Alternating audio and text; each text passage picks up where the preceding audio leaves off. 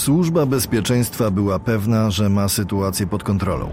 Posiadała informatora wewnątrz domu katolickiego, który powiadomił ich, że lekcja religii została zakończona.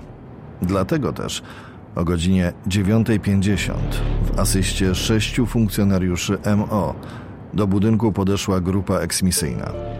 Jednak kobiety przebywające w budynku i na zewnątrz nie chciały wpuścić przedstawicieli władz miejskich.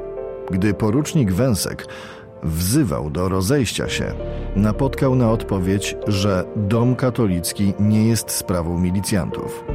Usiłowano namówić dowodzących milicją, aby odstąpili od interwencji. Argumentowano, że ich rodziny są także katolickie. W tym czasie robotnicy przysyłani przez Wydział do Spraw Lokalowych w celu przeniesienia mebli stanęli na ulicy i oczekiwali na dalsze decyzje. Utarczki słowne trwały około kwadransa.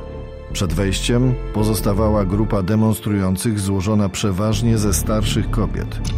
Niebawem z budynku wyszedł ksiądz, a kilka minut później gromada dzieci.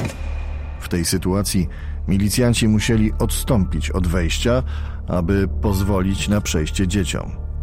Wykorzystały to kobiety, które ponownie zajęły korytarz. Próbował z nimi rozmawiać komendant Komendy Miejskiej, Milicji Obywatelskiej, Stanisław Jakubowski. Gdy zaczął grozić, w odpowiedzi uklękły i zaczęły się modlić. W tej sytuacji milicjanci siłą próbowali wyprowadzić zgromadzone kobiety. Nie przynosiło to rezultatu, gdyż wszystkie uparcie powracały na poprzednie miejsca. Determinacja kobiet zaskoczyła interweniujących milicjantów.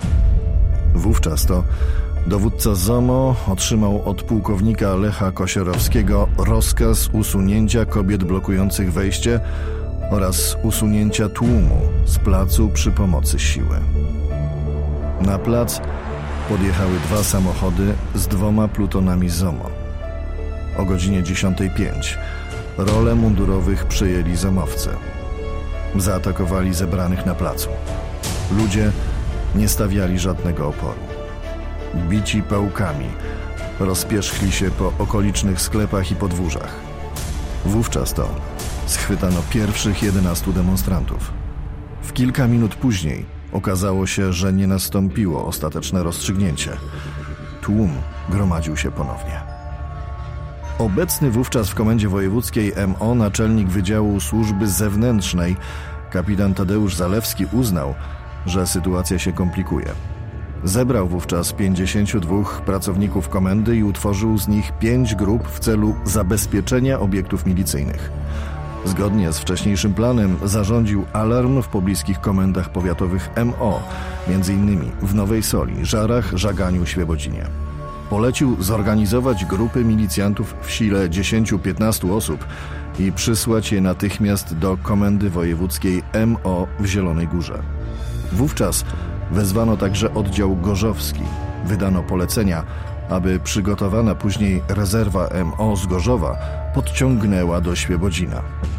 W końcu okazało się, że wykonanie tych czynności w zaplanowanym czasie jest niemożliwe.